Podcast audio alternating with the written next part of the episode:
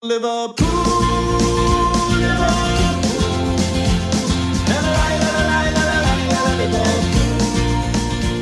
hej och hallå och återigen välkomna till ett nytt avsnitt av Total Liverpools podd. Andreas Kärp heter jag i vanlig ordning som ja, cirkusdirektören och mina djur som jag dompterar i vanlig ordning. Thomas Nygren, välkommen! Tack så mycket. Och Per Kvist, välkommen du också. Tack så mycket. Om ni skulle vara cirkusdjur eh, bort, och, och bli väl omhändertagna, vilket djur skulle ni vilja vara då, Thomas? Oj, ja, vad finns det för djur på cirkusen nu för tiden? Det första jag kommer att tänka på är elefant. Jag vet inte om det skulle... Jag, jag är ju ganska... Jag kan... Ja, jag vet inte om jag kanske liknar mig med en elefant mest av cirkusdjur. Jag är mer det än en lama i alla fall. Lamer kanske de inte brukar ha. Det vet jag inte, men elefant, ja men James Milner kanske är lite av en elefant. Alltså, ja, för... trygg, stabil och eh, kanske lite baktung, men det, ja. Eh, en elefant alltså. Per, vad skulle du vara för djur? Ja, det är en bra fråga. Jag känner att jag har snackat mycket på sistone, så kanske en sån här papegoja som snackar hela tiden och härmar andra ja, nu, ni behöver inte ha några mer djurliknelser, vi lämnar djuren bakom oss och som vanligt under den här podden så ägnar vi oss betydligt mer åt fotboll än om djur och eh, under det här avsnittet så ska vi eh, titta på kultspelare. Vi ska gå tillbaka i tiden och se vad en spelare håller i hus som Ja, som har spelat i en klubb som har varit lite av en snackis som vi också kommer börja eh, prata lite om. Jag pratade om laget Newcastle som har varit på många läppar som har blivit uppköpta. Mike Ashley har sålt klubben. Kanske så saknar man inte kon förrän båset är tomt. Eh, jag vet inte hur Newcastle-fansen har tagit emot de nya köparna. Eh, naturligtvis ska vi också prata hur det har gått för Liverpool under den senaste månaden och hur det eventuellt kommer att gå om vi blickar framåt en dryg månad. Men eh, Innan då vi eh, blickar framåt så ska vi blicka tillbaka. Sist vi pratades vid så skulle Liverpool eh, spela match mot Brentford. Eh, nykomling som ja, många lag haft svårt med, så även Liverpool. Det blev en, en eh, 3-3 match för Liverpool i den matchen. Eh, sen dess har man också spelat eh, mot Manchester City. 2-2 blev det i den matchen. 5-0 mot Watford senast och så har man hunnit med Champions League där man eh, slog Porto ganska komfortabelt. Eh, och sen så han vi nog inte gå igenom Norwich-matchen heller som var i en kupp där det blev en 3-0-seger. Eh, sammanfattningsvis, Thomas, eh, hur mm. nöjd är du med den här senaste månaden? Hur, hur det har sett ut och resultaten? Ja, alltså jag. Överlag så får man ju vara nöjd, även om jag sitter här och känner att, att det borde ha varit... Eh, det borde, det hade kunnat varit ännu bättre. Eh, om vi börjar med Brentford-matchen, den matchen ska vi ju bara vinna. Vi, eh, första halvlek tyckte jag Brentford var bra, men sen i andra halvlek så gör vi dem ganska bra när vi låter dem få målchanser alldeles, alldeles för enkelt. Där tyckte jag vår defensiv eh, föll ihop lite grann. Vi ska inte släppa in tre mål mot Brentford och speciellt de två sista målen var ju egentligen bara vara mål som vi släppte in för att de helt enkelt ville mer än vad vi gjorde. Det var alldeles för tamt i straffområdet. Och eh, det kändes ju som två förlorade poäng tycker jag, även om eh, det fanns en hel del bra att ta med sig från den matchen också. Eh, och samma sak lite grann City-matchen. Nu var ju det i slutändan får man säga att det var ju rättvist att det blev 2-2 där sett till hur bra de var i första halvlek. Men eh, vi har ändå ledningen två gånger och tappar den eh, två gånger om. Det kändes också... Det kändes lite grann som att vi hade chansen där att skaffa oss ett väldigt bra utgångsläge och dessutom eh, göra situationen lite jobbigare för City. Så den 2-2 kvitteringen där kändes också tråkig. Och sen så kommer man fortfarande ihåg Fabinhos miss på det. Miss på öppet mål i slutskedet. Det, det är en bra månad men det hade kunnat sett ännu bättre ut. Vi är klart, glädjeämnen såklart att vi har gått så bra i Champions League. Tog den säkra segern borta mot Porto. Vi eh, körde ju över Watford i, i förrgår. Men i ärlighetens namn så var ju Watford också bedrövliga. Eh, så, nej men eh, överlag en, en bra månad med en liten eftersmak av att det hade kunnat se ännu bättre ut. Mm, en andra plats ligger Liverpool på nu då efter åtta spelade omgångar. En poäng efter Chelsea och eh, en poäng före Manchester City. Per, eh, hur hur skulle du vilja sammanfatta den månaden? Nöjd med en andra plats nu i Premier League eller känns det som en förlorad första plats? Lite känns det väl ändå som en förlorad första plats för jag tänker ju som så att det är tre klubbar som är seriösa titelutmanare den här säsongen.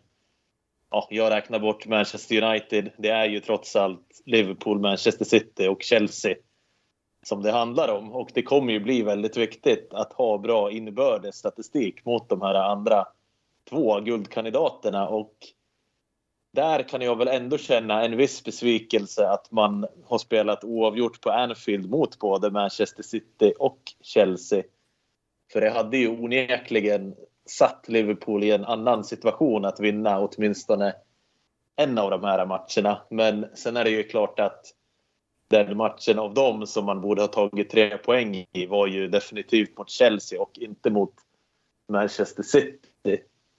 Som Thomas var inne på så var ju Manchester City väldigt bra i första halvlek och jag tycker väl att Liverpool över 90 minuter kommer undan med blotta förskräckelsen från den matchen. Så att, mm, jag är inte helt nöjd. Brentford var ju också en liten missräkning och om man tänker de här tre senaste ligamatcherna så har ju Liverpool ändå bara tagit fem poäng. Det är ju inte så jättebra om man jagar en ligaseger.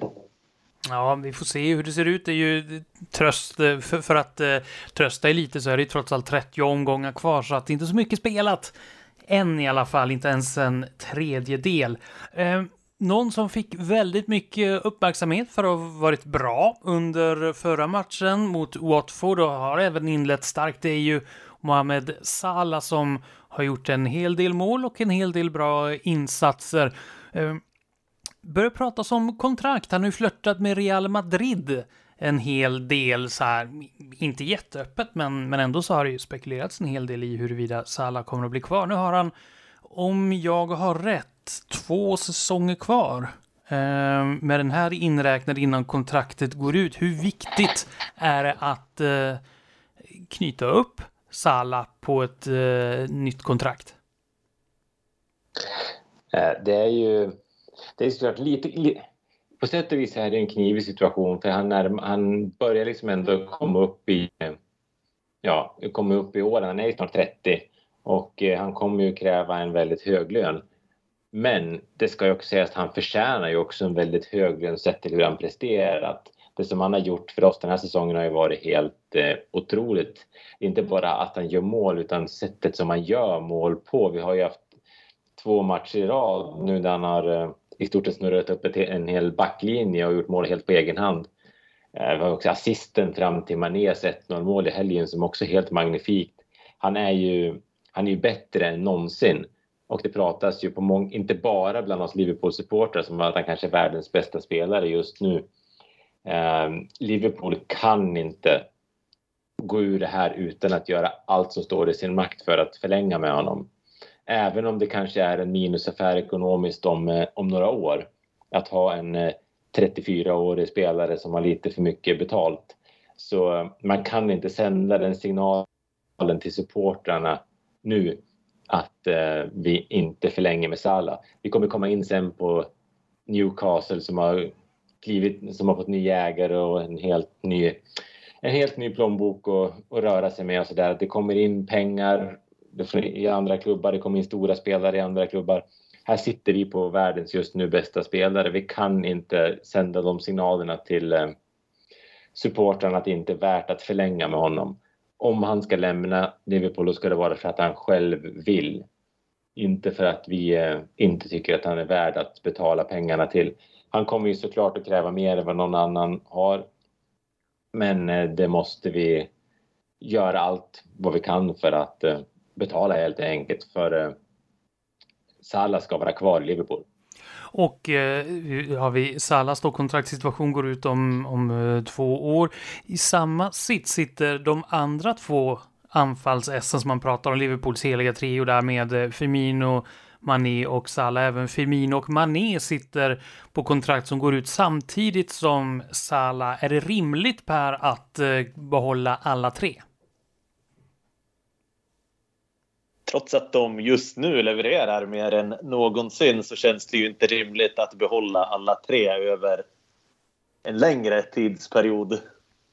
Vi kan ju inte sitta med en anfallslinje där alla är liksom 33, 34, 35 bast. Det, säger ju sig självt. Så att det, ju, det känns ju som en självklarhet att någon av dessa tre kommer att lämna nästa sommar och kanske en till av dem sommaren efter som blir sommaren 2023 när alla de här kontrakterna går ut. Men det är ju självklart som Thomas är inne på att Sala, nu, nu har han faktiskt ett legit claim att, på att vara världens bästa spelare. Och det är ju klart att det är ett enormt symbolvärde att behålla just honom. Det är inte ett lika stort symbolvärde att om man inte kommer kunna komma överens med Firmino eller Mané, även om de också är extremt bra spelare. Så att prioriteringen, ordningen där som man bör förlänga rent internt mellan de här tre är ju ändå ganska solklar i den bemärkelsen att Sala är ju den som man verkligen, verkligen, verkligen vill prioritera medan Firmino och Mané visserligen är fantastiska spelare men ändå utbytbara på ett annat sätt. För vi minns ju också förra säsongen där när Sala faktiskt lyckades producera i stort sett hela säsongen även när resten av laget var i ganska risigt skick så i, emellanåt och vi mönstrade ju ja, både den ena och den andra backen där från reservlaget som inte riktigt rosade marknaden i Premier League men ändå var ju Sala där och visade att han är en av de allra bästa och den här säsongen hittills så känns det ju som att han är den bästa i världen, tycker jag i alla fall. Om vi då skulle leka den här berömda leken Heta stolen eller vad den heter, eller om det är Hela havet storm eller något, där man har i det här fallet då tre stolar, en eller två stolar eh, har man. Det betyder att en av de här tre ska bort. Eh, man kommer alltså inte då förlänga kontraktet med en av de här tre anfallsspelarna. Thomas, vem av dem är det som du, om du nu skulle sitta i, i den situationen, vem skulle du vara minst angelägen om att förlänga kontraktet med?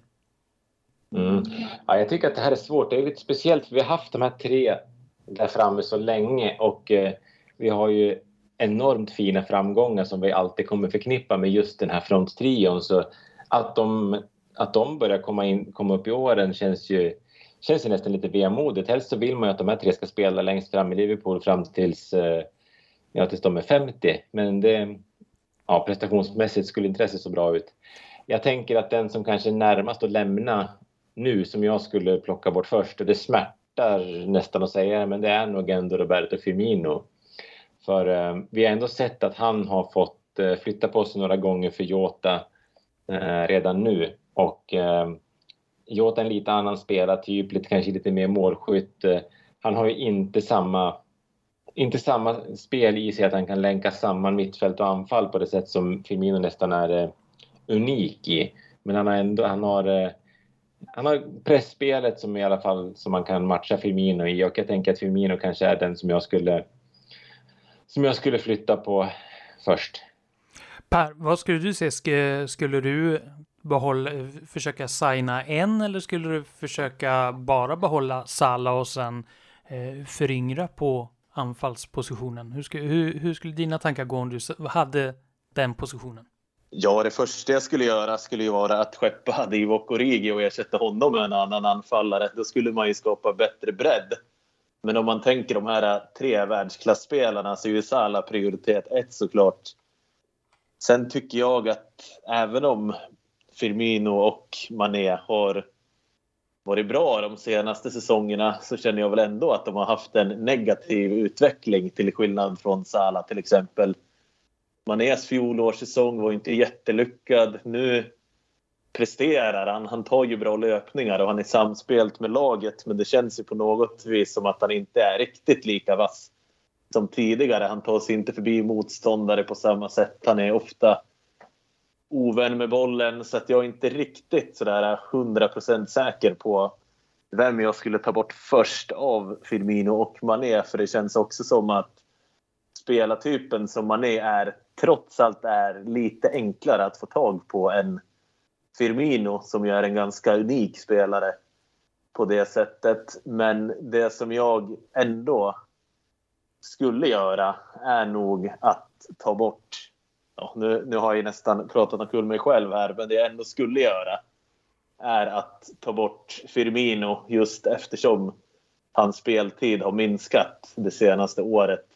Man har ju redan spelat in Jota som en ersättare på något vis medan man ändå har haft Mané som helt ordinarie. Så att Firmino är nog den som jag hade plockat bort först och Mané hade jag nog plockat bort om två, tre år. Men sen är det ju klart att det är ju bättre att sälja en spelare som Mané nästa sommar för en stor summa än att tappa honom på free transfer året efter om man inte kan komma överens om ett kontrakt. Så jag tycker också det beror lite på omständigheterna. Men som sagt, det som jag tycker man måste pusha på hela tiden, det är ju att Salah är ju den som vi verkligen måste ha kvar där framme.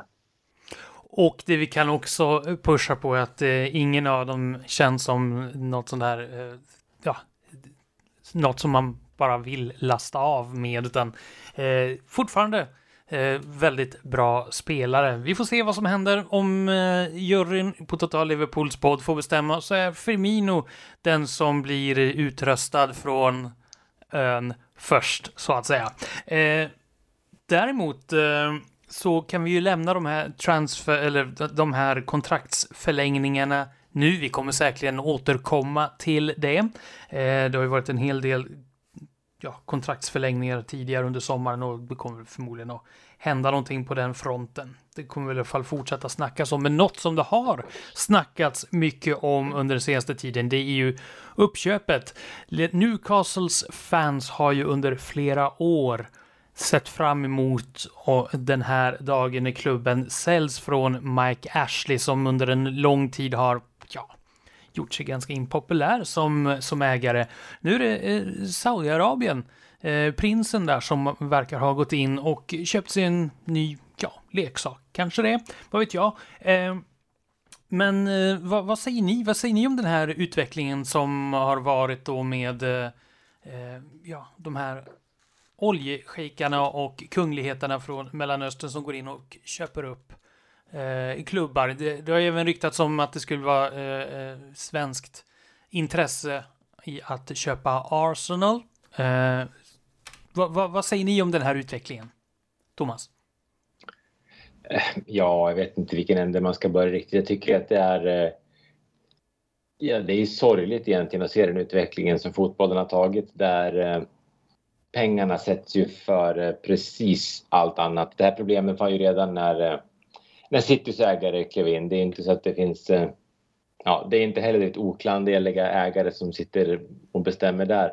Och att nu få in de här, det här ägandeskapet i, i Newcastle är ju... Det är ju jättetråkigt. Det ska sägas, det ska ju inte skugg, falla någon skugga över Newcastle egentligen. För jag menar, de... Eh, precis som vi, vi hade med det här i en panel på sidan häromdagen, just att jag ser ju Newcastle som ett offer i det här.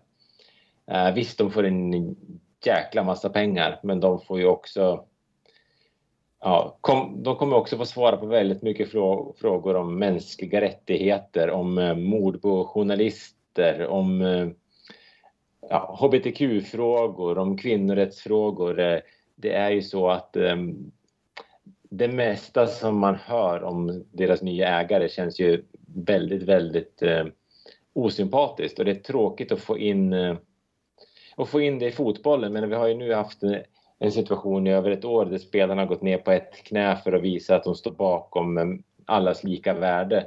Och eh, det blir ju bara som ett spel för gallerierna när man tillåter, klubb, eh, tillåter den här typen av ägare komma in och köpa upp klubbar. För att spelarna går ner på ett knä, det kostar inte Premier League någonting. Det kostar inte ägarna någonting.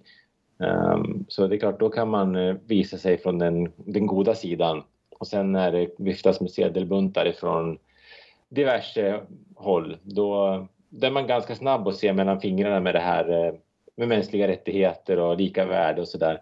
Det som satte stopp för den här övergången, det här eh, köpet tidigare var väl någonting i stil med att man visade Premier League på ett otillåtet sätt i Saudiarabien, att man därför inte fick köpa Newcastle. Sen så, sen när man slutar upp med det, då var det liksom, då är det fritt fram.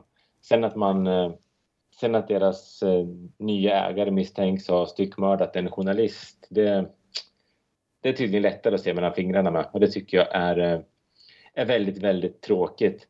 Sen kan jag förstå om Newcastle-supportrarna är nöjda över att de slipper se Mike Ashley för eh, de har ju haft det väldigt tufft.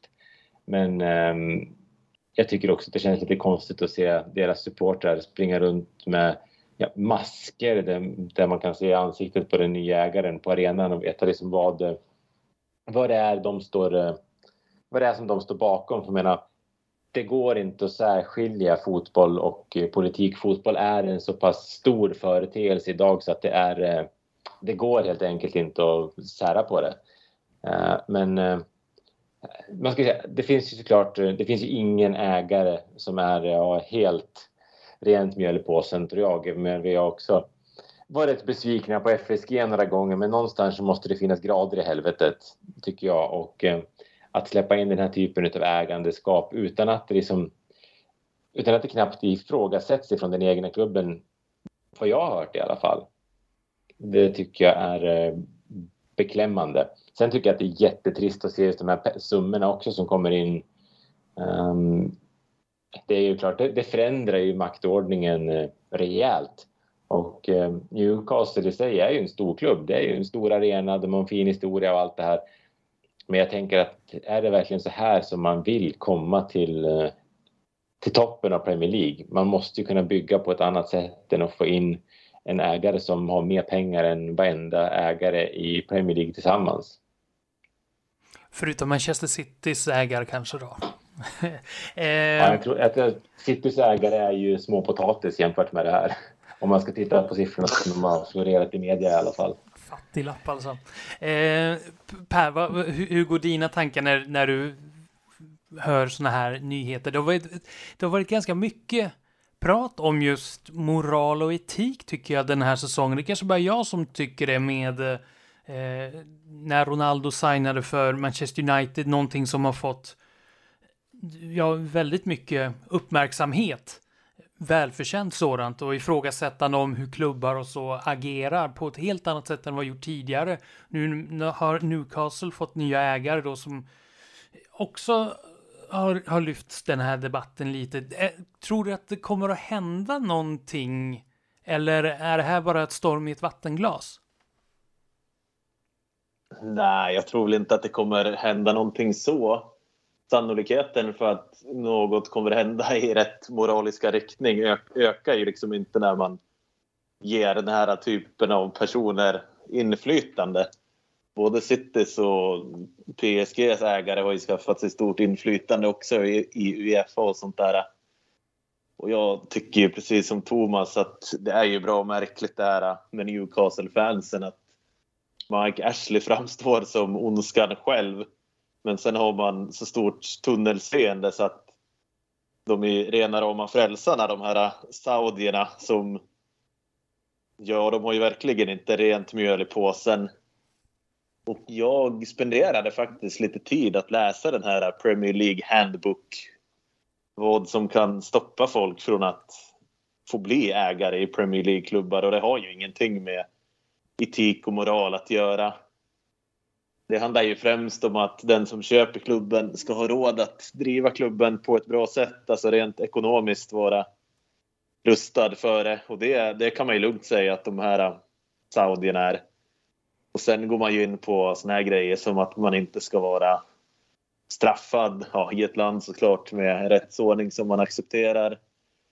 Eh, ja, straffad kan man vara, men man ska inte ha ett oavtjänat fängelsestraff. Så det är helt okej okay att ha suttit inne eller gjort någon dumhet förut och det kan väl jag i och för sig tycka är rätt för att om man har avtjänat sitt straff så har man ju avtjänat det. Men problemet är väl att de inte riktigt har gjort det de här saudierna men däremot har de ju gjort en del hemskheter och det är ju såklart en sida av det här. Men den andra sidan av myntet är ju att Storbritannien, precis som Sverige, de säljer ju vapen till Saudiarabien och har ju andra typer av affärsverksamheter liksom med Saudi.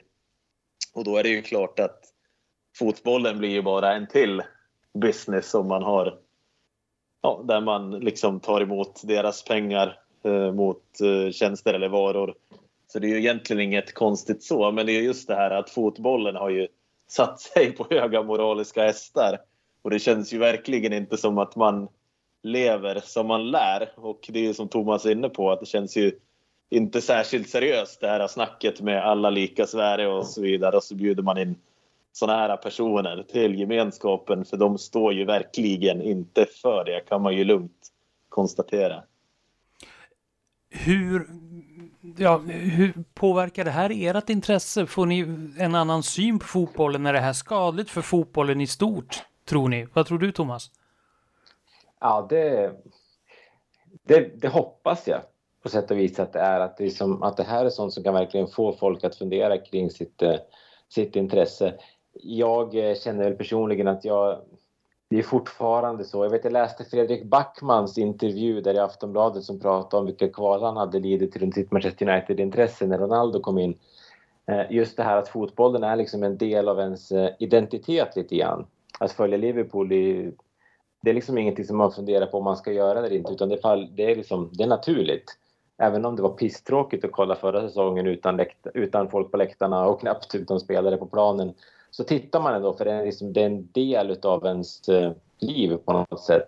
Så jag tror inte att... Eh, jag känner lite grann att det här kommer man att svära över några år och sen så kommer man sitta där och så kommer Newcastle vara topplag och så kommer det kännas naturligt, precis som det känns med City nu att man eh, på något sätt så anpassar man sig lite grann och det är ju, det är ju tragiskt det också egentligen att man blir eh, upprörd för stunden och sen så går det över. Um, men det hänger ju såklart ihop med vad man har för eh, intresse från början. Jag tror kanske att de som är lite Premier League-intresserad och kanske främst som föll för Premier League under samma tidsperiod som, ja, men som vi gjorde och kanske lite innan som fastnade för fotbollen innan pengarna var allt jag tror att kanske den eh, gruppen människor kommer att vara några som faller ifrån i intresse. Um, när det kommer till de yngre så vet jag inte, det är ju mer lite grann det här uh, köpa, sälja spelare, Fifa-generationen och så. Jag vet inte hur, hur de uh, reagerar på sådana här saker. Jag hoppas att de också drar öronen åt sig och uh, åtminstone funderar över om det är om det är rätt eller fel. att det ska vara på det här sättet. Och vi har ju ja, vi har ju sett eh, flera snedsteg nu inom fotbollen. Vi har ju ett VM nästa vinter som är, eh, ja, som är pricken över i egentligen på vad som är fel med fotbollen just nu. Och eh, ja, om inte vi får se en eh, utveckling i rätt riktning snart så kommer vi ju med största sannolikhet ha Premier League-matcher som spelas i den delen av världen också. Det är ju bara, det är nästa steg, tänker jag. Det har ju varit uppe för diskussion tidigare att Premier League ska spela matcher utomlands och eh, när väl Liverpool ska möta West Ham på någon arena i Qatar eller Saudiarabien eller för den delen om de skulle komma till Friends och spela då vet jag fan om jag kommer att vara speciellt sugen på att eh, titta längre. Men jag tänker ändå att Alltså om man breddar perspektivet lite, det är ju klart att den här moraliska aspekten är ju, ja den är ju svår att ta in faktiskt. Men det är ju ändå så att fotbollsvärlden blöder ju ändå ekonomiskt efter corona. Då är det ju självklart praktiskt för andra klubbar att det kommer in en shake som har hur mycket pengar som helst att spendera. Det kommer ju att täcka igen ekonomiska luckor och förluster i klubbar som de köper spelare av. Och sen måste jag ändå säga rent, rent objektivt, som sagt, om, om man bortser helt från den ekonomiska aspekten så är det ju bra för Premier League att få in en till klubb som kommer att rent ekonomiskt kunna konkurrera med alla klubbar. De, det kommer ju bli ett till storlag eller storklubb om ni förstår vad jag menar i Premier League. Men, men sen måste jag ändå säga att om det här hade varit Liverpool som blev köpta av Saudi då hade jag ändå varit jäkligt tveksam till att fortsätta supporta laget som man gör nu jag måste säga att jag har också funderat mycket i de banorna. Jag diskuterade det här också med en Newcastle-supporter som brukar ställa upp och skriva på vår sida ibland. Just det här hur, hur man skulle hantera om det hände en, hur det hände en själv. För han sa, han sa ju också, han vill absolut inte förknippas med eh, allt som de har stått för i Saudiarabien. Samtidigt som det är en klubb som han, eh, som, som han lever med. Så jag måste säga att även om en del Newcastle-supportrar firar så kan jag, skulle jag misstänka att det är väldigt många Newcastle-supportrar som verkligen lider kval kring hur man ska, hur man ska hantera sitt fortsatta supporterskap. För det är ju... Ja, det går ju inte att komma ifrån att de nu blir någon slags... Eh, ja, de kommer ju förknippas med det här nu. Det är ju det är ofrånkomligt. Så det blir väl en följetong, vi får se vad som händer, vad nästa steg blir. Men faktum är att Newcastle har nya ägare från Saudiarabien och eh, vad som kommer hända i januarifönstret för Newcastles del, det kan man bara spekulera i. Eh, spekulera behöver vi inte göra mer, utan nu så innan vi lämnar det, det som har hänt den senaste månaden bakom oss för den här gången, så vill jag ändå att eh, ni ska försöka vrida klockan tillbaka och sen utvärdera spelarna. Om vi ska utse månadens utropstecken och månadens frågetecken. Om vi ska börja med utropstecknet Per, vilket utropstecken skulle du välja då? Vilken spelare skulle du välja då? Det går ju bara att välja Mohamed Salah. Den här eh, senaste tiden har han ju varit helt galet bra med flera solomål och eh, dessutom en fantastiska framspelningar. Så att Mohamed Salah är ju det givna valet och som vi har varit inne på så är han ju också just nu ett väldigt hett alternativ till att vara världens bästa spelare. Så tycker jag inte att det har varit föregående säsonger. Det har det känns som att det har funnits andra som har varit lite vassare. Men nu har Salah tagit ytterligare kliv samtidigt som om man ska vara helt ärlig är ju inte Ronaldo och Messi lika heta som de har varit ja, hur länge som helst känns det som. Så att eh, ja, Salah blir ju klart svaret på den frågan. Och om vi går åt andra hållet då, frågetecken, Thomas. Eh, känner du, har du någon, någon sån eller är alla spelare utropstecken? Jag landar nog lite grann ändå i eh, Jordan Henderson som frågetecken. Jag tycker att han har haft lite svårt under säsongstarten att, eh, att komma in i matcherna på samma sätt som vi har vant oss vid senaste säsongerna. Jag tycker nästan han gjorde sin bästa match på länge nu när han fick spela istället för Fabinho som sittande mittfältare mot Watford. Han eh, hamnar lite grann ute på kanterna nu tycker jag och eh, när han väl ska vara delaktig runt straffområdena så är det väldigt mycket enkla chippar in som känns mer att man inte kommer på chans. Han är inte lika tongivande i spelet som han har varit um, tidigare säsonger. Så jag tycker att han har haft lite...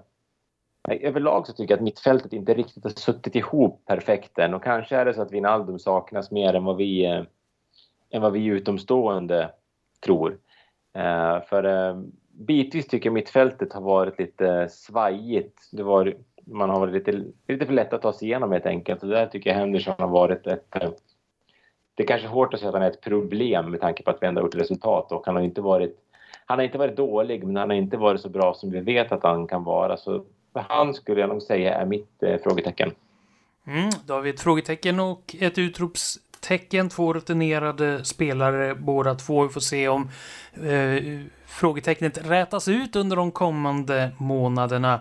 Eh, om inte så kanske Jordan Henderson blir eh, en eh, programpunkt.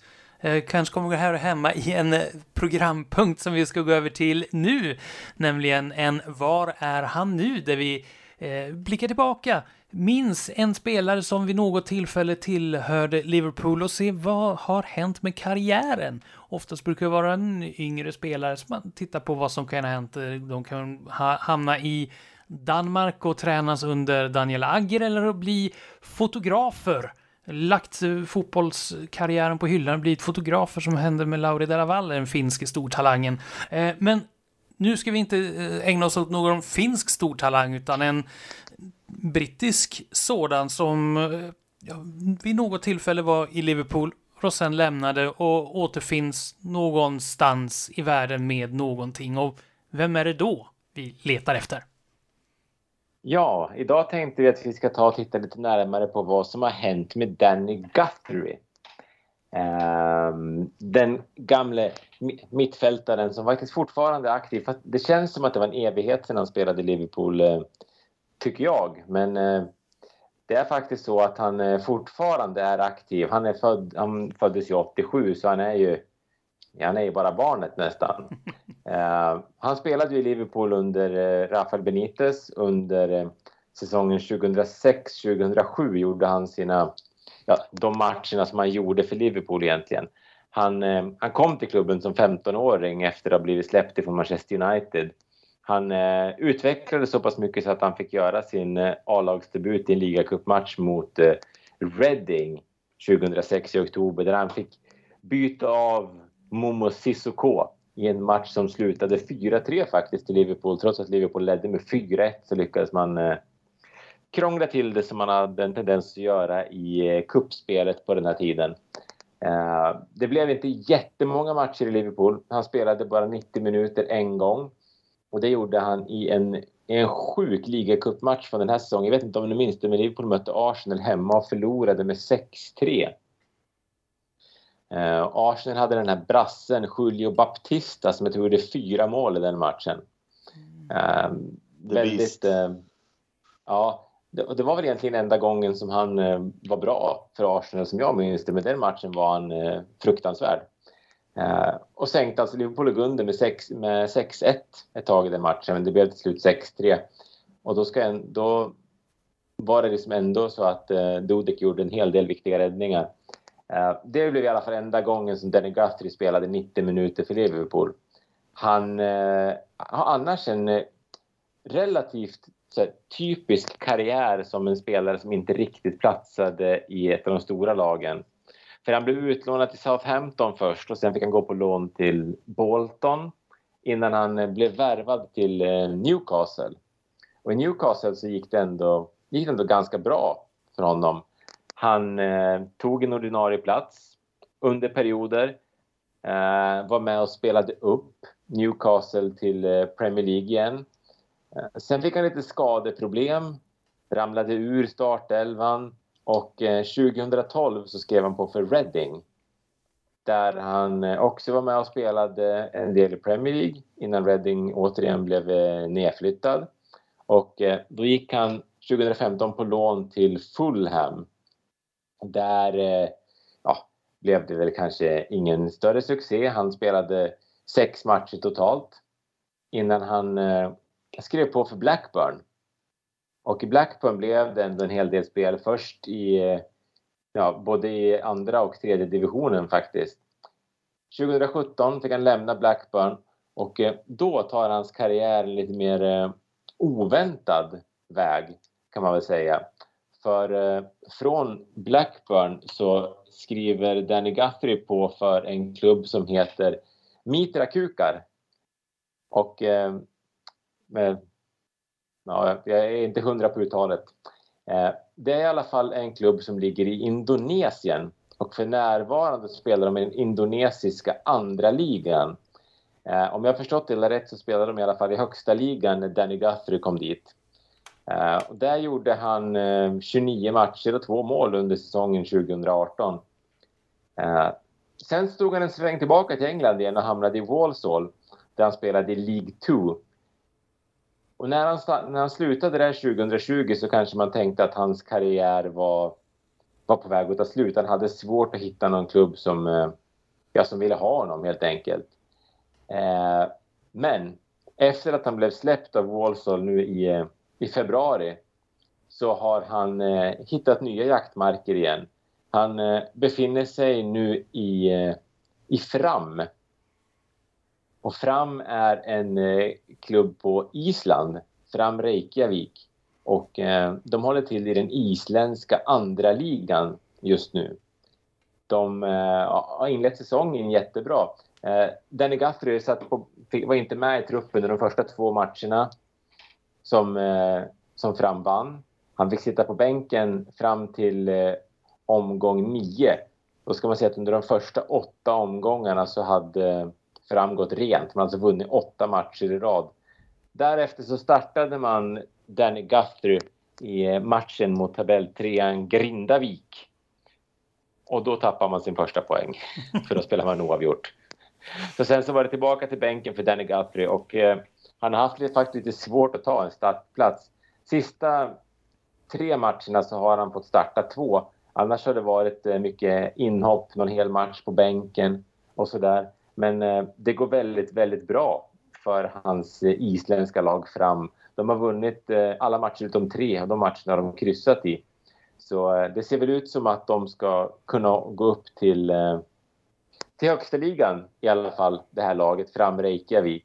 Och ja, det är verkligen ingen stor klubb som man har kommit till. deras hemmaarena tar eh, tusen personer. Och eh, det är ju lite skillnad mot för när han spelade på Anfield till exempel. Eh, och eh, en sak som var lite intressant när man läste, man läste om Danny Guthrie så kom det ut en, så hittade en bild på hur han såg ut nu för tiden. Och man kan lugnt säga att han har ändrat kroppshydda jag, jag minns inte Danny Guthrie som en speciellt eh, stor fysisk spelare. Eller fysisk kanske han var, men han var inte speciellt stor. Nu eh, har han eh, verkligen eh, styrketränat en hel del och eh, är nästan oigenkännlig på bilderna som, man, som går att få tag på från hans eh, Islands vistelse.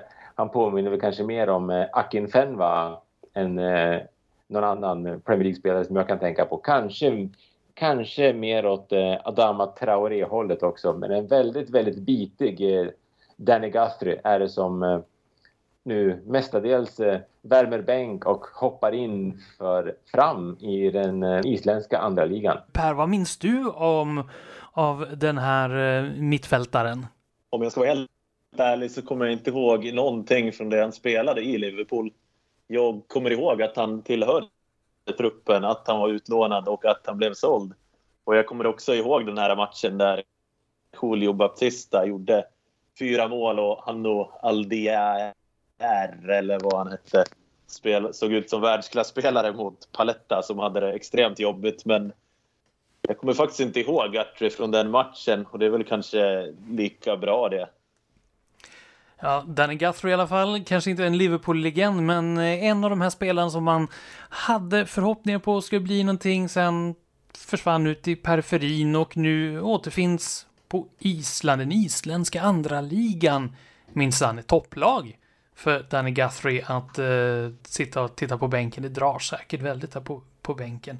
Uh, Danny Guthrie alltså ingen Liverpool-legend, men nästan en Liverpool-legend är ju Igor Biskan och vi ska hålla koll på vad gör han nu egentligen? Thomas, du som har benhård mm. koll på den här legenden kan man väl säga i vissa podd, poddsammanhang. Ha, har han... Ja, men det får man väl ändå säga. det får man säga. Vi följer honom närmare någon svensk Liverpool-podd gör. Och vad har hänt med honom sedan vi sist hördes av? Ja, nej, men sist som vi pratade om Biskan, då var det om det här försmädliga uttåget mot Spanien i kvartsfinalen i, i Europamästerskapen för U21-landslag. Eh, nu har man liksom tagit nya tag, påbörjat ett nytt kvalspel och eh, där har eh, Biskans Kroatien spelat fyra matcher redan. man inledde med att slå Azerbajdzjan, får man väl gissa programenligt, med 2-0. Man slog därefter Finland borta med 2-0. Och i den tredje matchen ställdes man mot Norges U21-landslag. Och Norge kanske har en eh, stark generation sådär på gång nu med Håland och eh, den gruppen spelare. Men på U21-nivå så kunde man ju såklart inte rå på Kroatien under Biskan utan Kroatien vann den matchen med 3-2. Och eh, bara häromdagen faktiskt, den 12 oktober, så spelade man också mot Azerbajdzjan ännu en gång i det här kvalspelet. Och eh, vann den matchen med 5-1. Så eh, Kroatien har alltså inlett det här kvalspelet med eh, fyra raka segrar. Och eh, det lag som man har kvar att möta i gruppen innan, eh, ja, innan man har tagit greppet ordentligt. Man har kvar att möta Österrike och Estland. Så det är eh, lagen som man ska ha bakom sig, alltså Norge, Österrike, Finland, Azerbajdzjan och Estland. Och spontant känns det väl som att Kroatien borde ha ganska goda möjligheter att ta sig vidare till eh, ytterligare ett mästerskap under sin, eh, under sin succétränare. Så får vi väl se om eh, det här räcker för att A-landslaget ska norpa honom eller om det är något klubblag som hinner före. Ja, eh, det skulle inte förvåna mig om nu när Newcastle har fått nya ägare att man vill uppgradera Eh, för sin nuvarande tränare, så vem vet? En stor klubb kanske hägrar för, för den gode Biskan. Eh, även om det skulle smaka ganska illa med honom i, i den klubben. Men, men, eh, vi får se vad som händer med Igor Biska, men det går bra i alla fall för kroatiska U21-landslaget under den taktiska generalens eh, ledning. Och eh, var inte orolig du som lyssnar. Vi kommer att fortsätta Igor Biskans eh, väg mot framgång. I alla fall vad vi tror. Vi, vi har verkligen tagit rygg på Biskan och eh, hänger upp mycket av vår trovärdighet på hans framgångar. Det finns ju ingen anledning att släppa den ryggen. Nej, nej. den har visat sig väldigt framgångsrik hittills. Så ja, vi, vi fortsätter att följa den ryggen helt enkelt. Eh, vad som händer med Biskans framtiden vet vi inte så mycket om. Vi vet heller inte så mycket om vad som händer med Liverpools framtid, men vi kan spekulera i den. Liverpool kommer att spela en hel del matcher innan vi hörs igen. Eh, bara nu i veckan så kommer man att spela Champions League mot Atletico Madrid på bortaplan. Sen väntar en stor match med Manchester United, även den på bortaplan. Sen ytterligare en bortamatch i den engelska ligacupen där man möter Preston. Sen får man spela hemma igen, äntligen, mot topplaget, oväntade topplaget Brighton. Innan det blir dags för Champions League återigen. Och då är det hemma återigen och återigen mot Atletico Madrid. Och sen ytterligare en toppmatch eh, i eh, Premier League på bortaplan den här gången när man möter eh, vad som verkar vara ett svårspelat West Ham och då har det hunnit bli 7 november redan. Eh, av de här matcherna här, det, vad är er spontana tanke? Tre stycken topplag i eh, Premier League eh, har man att möta. Vad tror ni om dem? Om vi börjar med eh, Manchester United, Per. Jag tror att vi har goda chanser mot United United är ju ett lag som innehåller väldigt många bra individuellt skickliga spelare men de imponerar ju inte som kollektiv och dessutom har ju Solskär haft en tendens att mönstra ett väldigt framtungt lag där Ronaldo joggar omkring längst fram. Så det blir ju i och för sig intressant att se vad han vågar göra mot Liverpool. Men det känns ju verkligen som att det här är en match som vi ska ta om vi ska ta Premier League-titeln. Hur bra tycker du att United är? Är de ett topplag eller eh, vad är det för klass tycker du att United håller? Jag tycker att på pappret så ska de ju absolut vara där och utmana om ligatiteln som vi har sagt i förra poddavsnittet tror jag det var. Så nu är det ju egentligen inte topp 6, det är ju topp 4 för det är ju fyra klubbar som mönstrar så pass mycket bättre trupper än övriga och United tillhör ju den exklusiva skaran. Men dessvärre har de ju inte en manager och eh, förmåga, med förmågan att skapa ett kollektiv på samma sätt som de övriga toppklubbarna. Så det känns ju som att United är den solklara fyran i Premier League den här säsongen för att de har trots allt mycket bättre spelare än de andra exklusive Liverpool, City, Chelsea. Men eh, de kommer ändå inte kunna rå på de här absolut bästa lagen. Men samtidigt så känns de ju snäppet vassare över tid än Leicester till exempel. Trots att de åkte på välförtjänt däng mot Leicester i den förra omgången. Så det är väl där jag placerar dem som en solklar fyra. Och det är ju klart att det är ju en stor besvikelse med deras investeringar och deras trupp.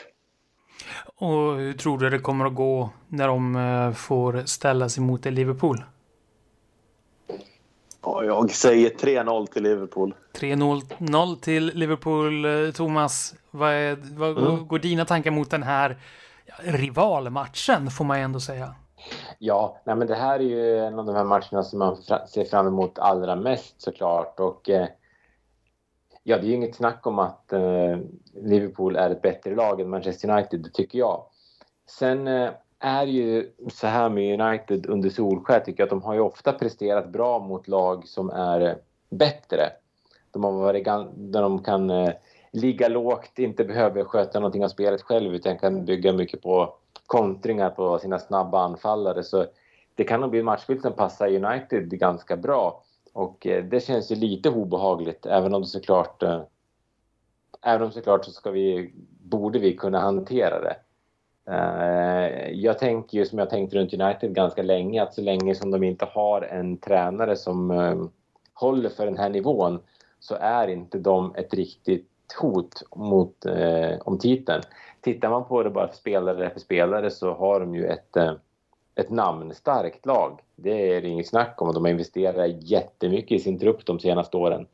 Men eh, trots det så är det svårt att se någon riktig så här, spelidé. Speciellt i de här matcherna som de själva ska föra spelet. Den gången de har imponerat i år, det var egentligen mot Leeds, men då var det ju som då var det öppna spjäll. Och eh, det passade ju United ganska bra. När de möter lag som backar hem så, brukar de, så har de haft svårt att riktigt eh, komma till. Så eh, det handlar mycket om hur vi lyckas få till det på mittfältet. Jag, kan vi vinna mittfältskampen då vinner vi mot Manchester United. Vi, våra anfallare är ju otroligt mycket bättre än deras försvarsspelare och eh, det, det bör kunna spela en väldigt stor roll. Harry Maguire såg ju eh, extremt yr ut nu mot Leicester och eh, kommer han in på samma nivå mot eh, Salah då kommer inte våran egyptier lämna planen mållös. Det är en sak som är säker. Jag känner ju lite att United har ju skapat ett problem själva när de tog tillbaka Ronaldo. Det är ju klart att Ronaldo är ju Ronaldo. Han är ju en fantastisk spelare och han är ju en av de absolut bästa spelarna de senaste ja, 10-15 åren eller vad det kan vara. Men han är ju inte längre samma spelare. Nu är ju Ronaldo egentligen bara en avslutare. Och som du var inne på Thomas, det passar United bra att backa hem och kontra med snabba anfallare.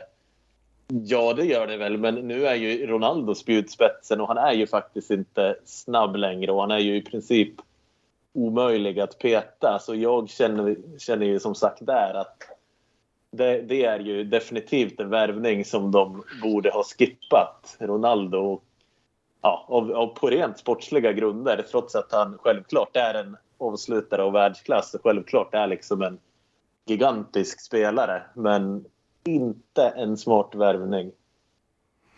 En av alla de där värvningarna. Och Thomas, du nämnde också att eh, Manchester United inte har en tydlig spelidé. Eh, de övriga lagen som då Liverpool kommer att möta under den närmaste månaden som eh, i Premier League är ju då raka motsatsen som har väldigt tydliga spelidéer. Brighton och West Ham. Hur tror du det kommer gå där i de matcherna? Ja, nej, men det blir väldigt intressanta matcher. Dels så kommer vi se Brighton komma till Anfield och de kommer ju inte backa hem. Brighton är ju ett lag som spelar. Eh, vi hade ju svårt mot dem förra säsongen. Um, jag tror nog att vi ska kunna utmanövrera dem bättre i år med fansen tillbaka på läktarna, tryggare backlinje och sådär. Det kommer säkert bli en underhållande match och det kommer inte bli någon, eh, någon enkel seger för Liverpool, för Brighton är bra.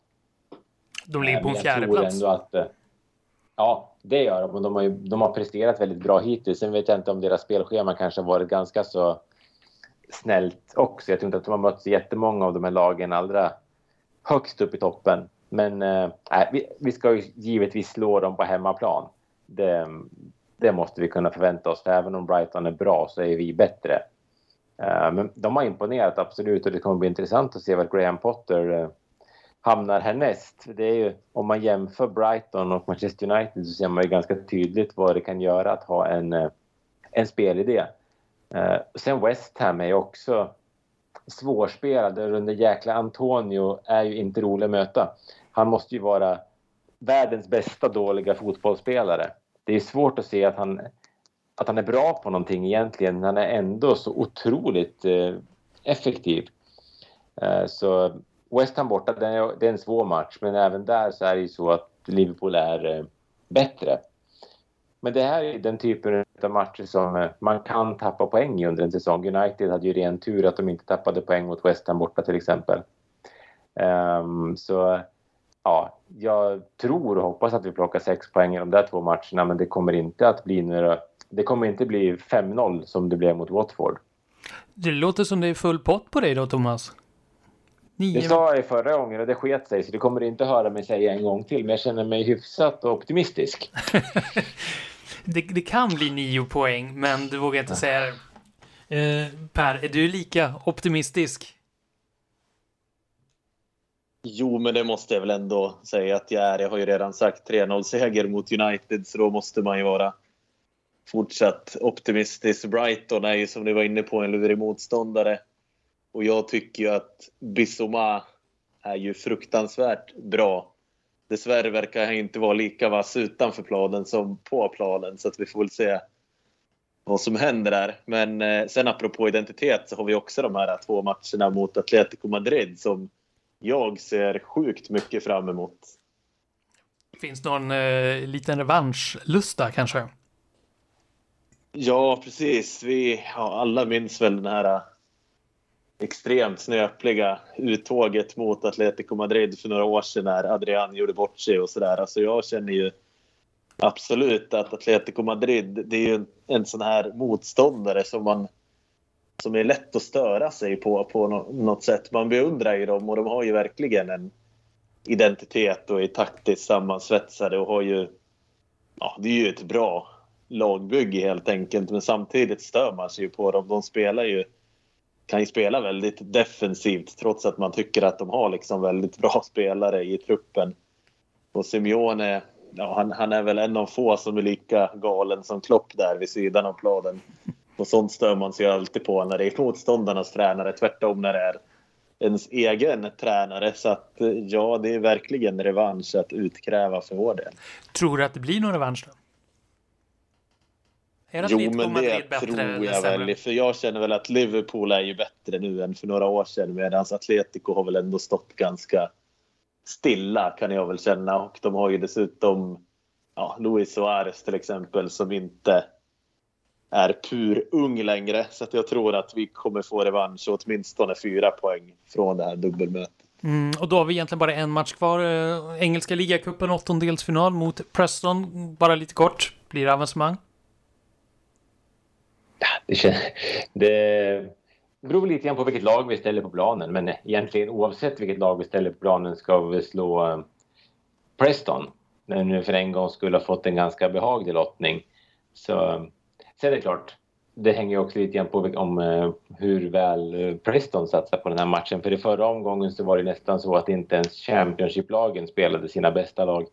Kommer de med sin första elva och Liverpool kör ett hopkok med juniorer och eh, spelare i utkanten av trupperna, då, är, då kan det bli tufft. Men äh, det, är ju, det är en match vi ska vinna om äh, inställningen är rätt, känner jag.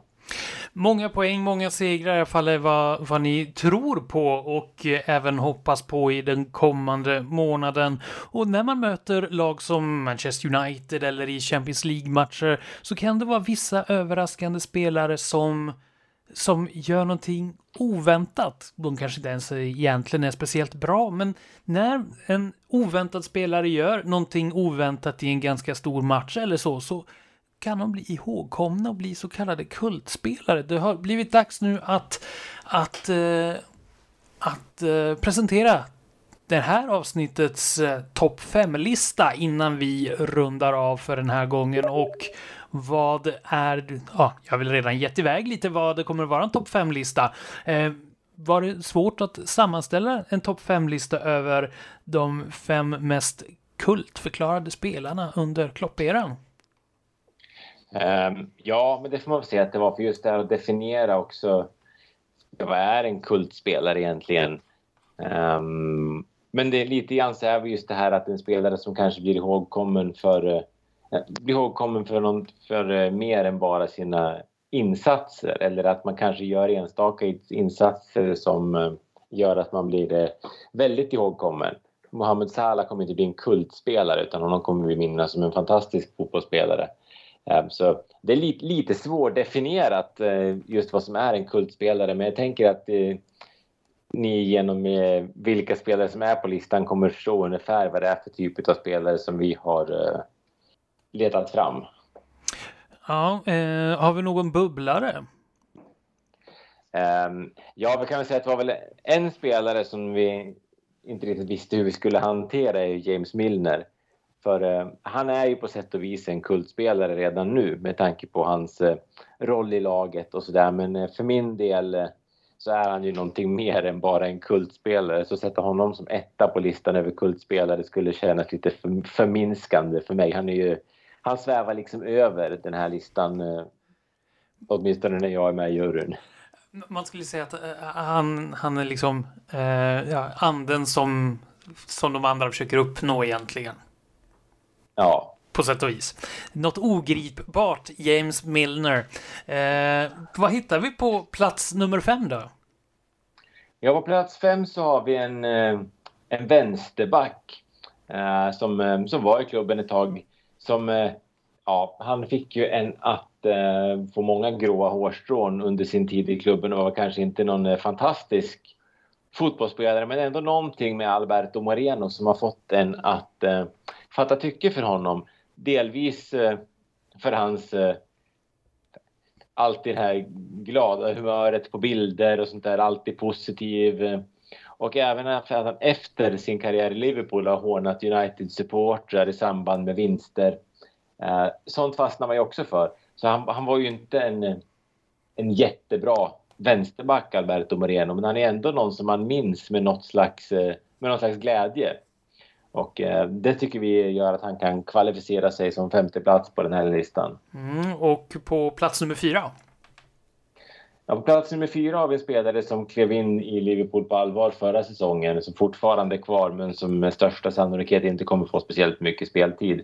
Men man måste väl ändå säga att Nathaniel Phillips blev en kultspelare för Liverpool med sina insatser förra året när han eh, spelade med det här lindade huvudet och eh, nickade in avgörande mål och stod iväg och nickade undan för varenda inspel och så tillsammans med Rhys Williams såg till att Liverpool kunde gå till eh, Champions League. Det känns ju nästan overkligt när man pratar om det i efterhand att Liverpool gick rent de sista omgångarna med Nat Phillips och Rhys Williams som mittbackspar. De... Eh, ja, Rhys Williams kommer inte få knyta skorna åt spelarna i A-laget nu i stort sett. Det är så stor skillnad i kvalitet och Nat Phillips kommer ju inte få spela om inte det blir ett nytt skadehaveri.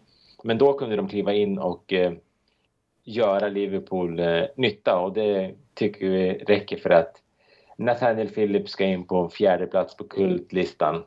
Ja, han blev lite som fula ankungen under förra säsongen. Eh, på plats nummer tre då? Ja, där har vi satt en eh, estländare som eh, ja, hade också kunnat varit högre. Men man måste väl ändå säga att Ragnar Klavan blev en kultspelare under sin tid i Liverpool. Han hade ju också det här lite grann... Eh, han, jag känner att han kanske lite grann den där Biskan-auran över sig. Att han eh, ibland kunde se lite så här felplacerad ut när man kollar på hans eh, ansiktsuttryck. Och det kunde också Biskan göra, se lite så här eh, vilse och eh, yr ut. Men alltid hundraprocentiga insatser. Det brast i tekniken, det brast i passningsspelet, men han gjorde alltid hundra procent och eh, gjorde också något viktigt mål. Och eh, så här nu när han har lämnat så minns man också honom med värme trots att man kanske inte kände värme när man såg honom i startelvan. Ja, ibland kanske avstånd behövs. Är det samma sak med, eh, med eh, tvåan? Ja, på andra plats har vi en spelare som fortfarande är kvar i laget och som faktiskt har fått eh, göra några minuter den här säsongen.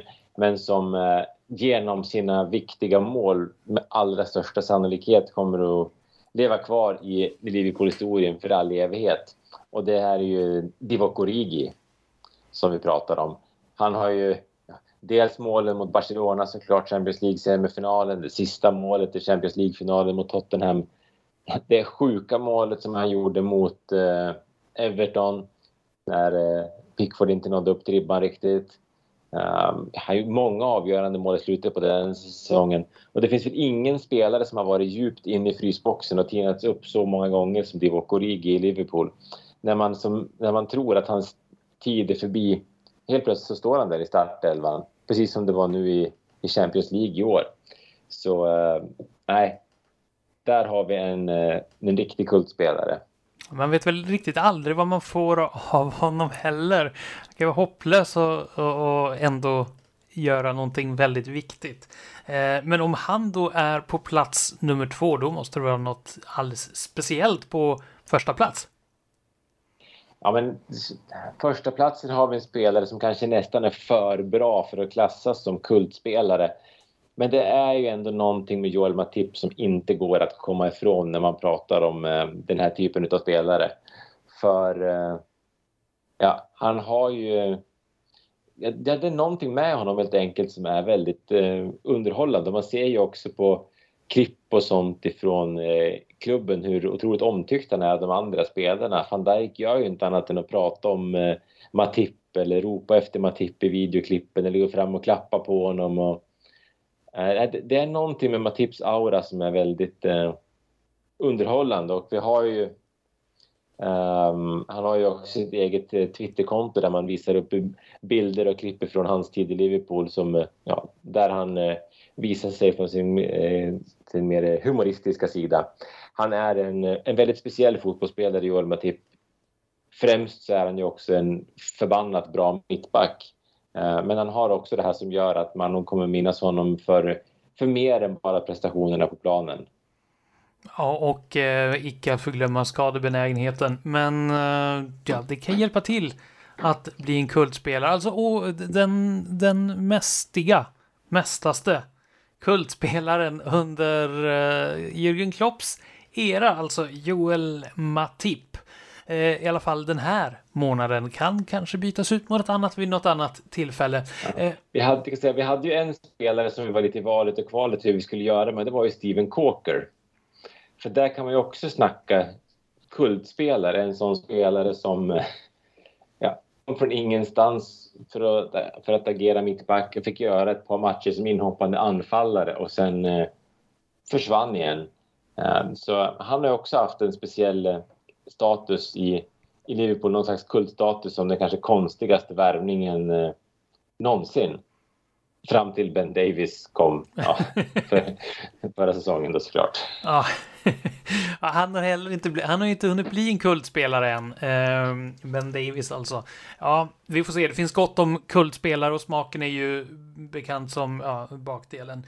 Eh, och det får runda av det här avsnittet. Helt enkelt. Vi kommer att höras igen om en dryg månad och av de matcher som är då under den här månaden, Per, vilken ser du fram emot mest? Mm, det blir nog ändå Man United. Brukar du se eh, göra något speciellt under de här matcherna eller är det same procedures varje match? Jag brukar i stort sett aldrig någonsin göra något annat än att kolla på matchen hemma. Men just den här gången så har jag faktiskt blivit övertalad att följa med till en sportbar och det är ju inte så att jag aldrig någonsin har gjort det förut, men det hör som sagt till ovanligheterna. Men det blir säkert trevligt det med. Förutsatt att Liverpool vinner. Eh, gör de, om det blir en brakförlust så har jag en känsla att det är det sista gången du kommer att gå på en sportbar på ett bra tag. Eh, Ja, så är det ju. United-supporterna kan ju vara väldigt dryga också, så det skulle ju vara extremt drygt. Ja, speciellt när Liverpool-supportrar aldrig är speciellt dryga, speciellt inte mot eh, Manchester United-supportrar. aldrig, eh, aldrig. Thomas, vad ser du mest fram emot? Mm. Um, ja, men det är väl lite grann, Ja, det är lite grann samma sak. Det går inte att komma ifrån att matcherna mot Manchester United är eh, är speciella och jag som delar eh, arbetsrum med en United-supporter ser ju väldigt gärna att vi går från den matchen med, eh, med tre poäng. Sen såklart, Champions League-matcherna mot Atletico Madrid spännande, men någonstans Liverpool, Manchester United-Liverpool, det är ju en av årets viktigaste matcher så det ska ju bli eh, jäkligt kul att den matchen kommer till helgen. Hur utstuderad eh, är du om Liverpool vinner mot din eh, kollega? Um, jag brukar vara en sån... Eh, jag, bru, jag, brukar tro att jag ska vara storsint så att inte säga någonting och så när jag kommer in i arbetsrummet så kommer bara det här lite så här nedlåtande leendet som kanske är, är ännu värre än att få en, en taskig kommentar. Så jag, jag, försö jag försöker att inte vara så dryg eftersom jag vet att jag hatar när eh, folk eh, är dryga mot mig när Liverpool har förlorat. Så jag försöker att, jag försöker att vara förstående, men jag är nog inte så bra på det. Ja, ja det, du får se hur, hur det blir där. Vi hoppas att det är du som försöker vara förstående och inte tvärtom. Och hur det går i Liverpool-Manchester United-matchen och de övriga matcherna Eh, ja, det kommer vi att veta när vi hörs igen om en eh, dryg månad. Fram till tills dess hoppas jag på det. Du Thomas och du Per får det fantastiskt trevligt. Tack detsamma. Tack detsamma. Och även du som lyssnar får också en fantastiskt trevlig tid tills vi hörs igen. Jag Andreas Erpe tackar för mig. Ha det så bra. Hej då!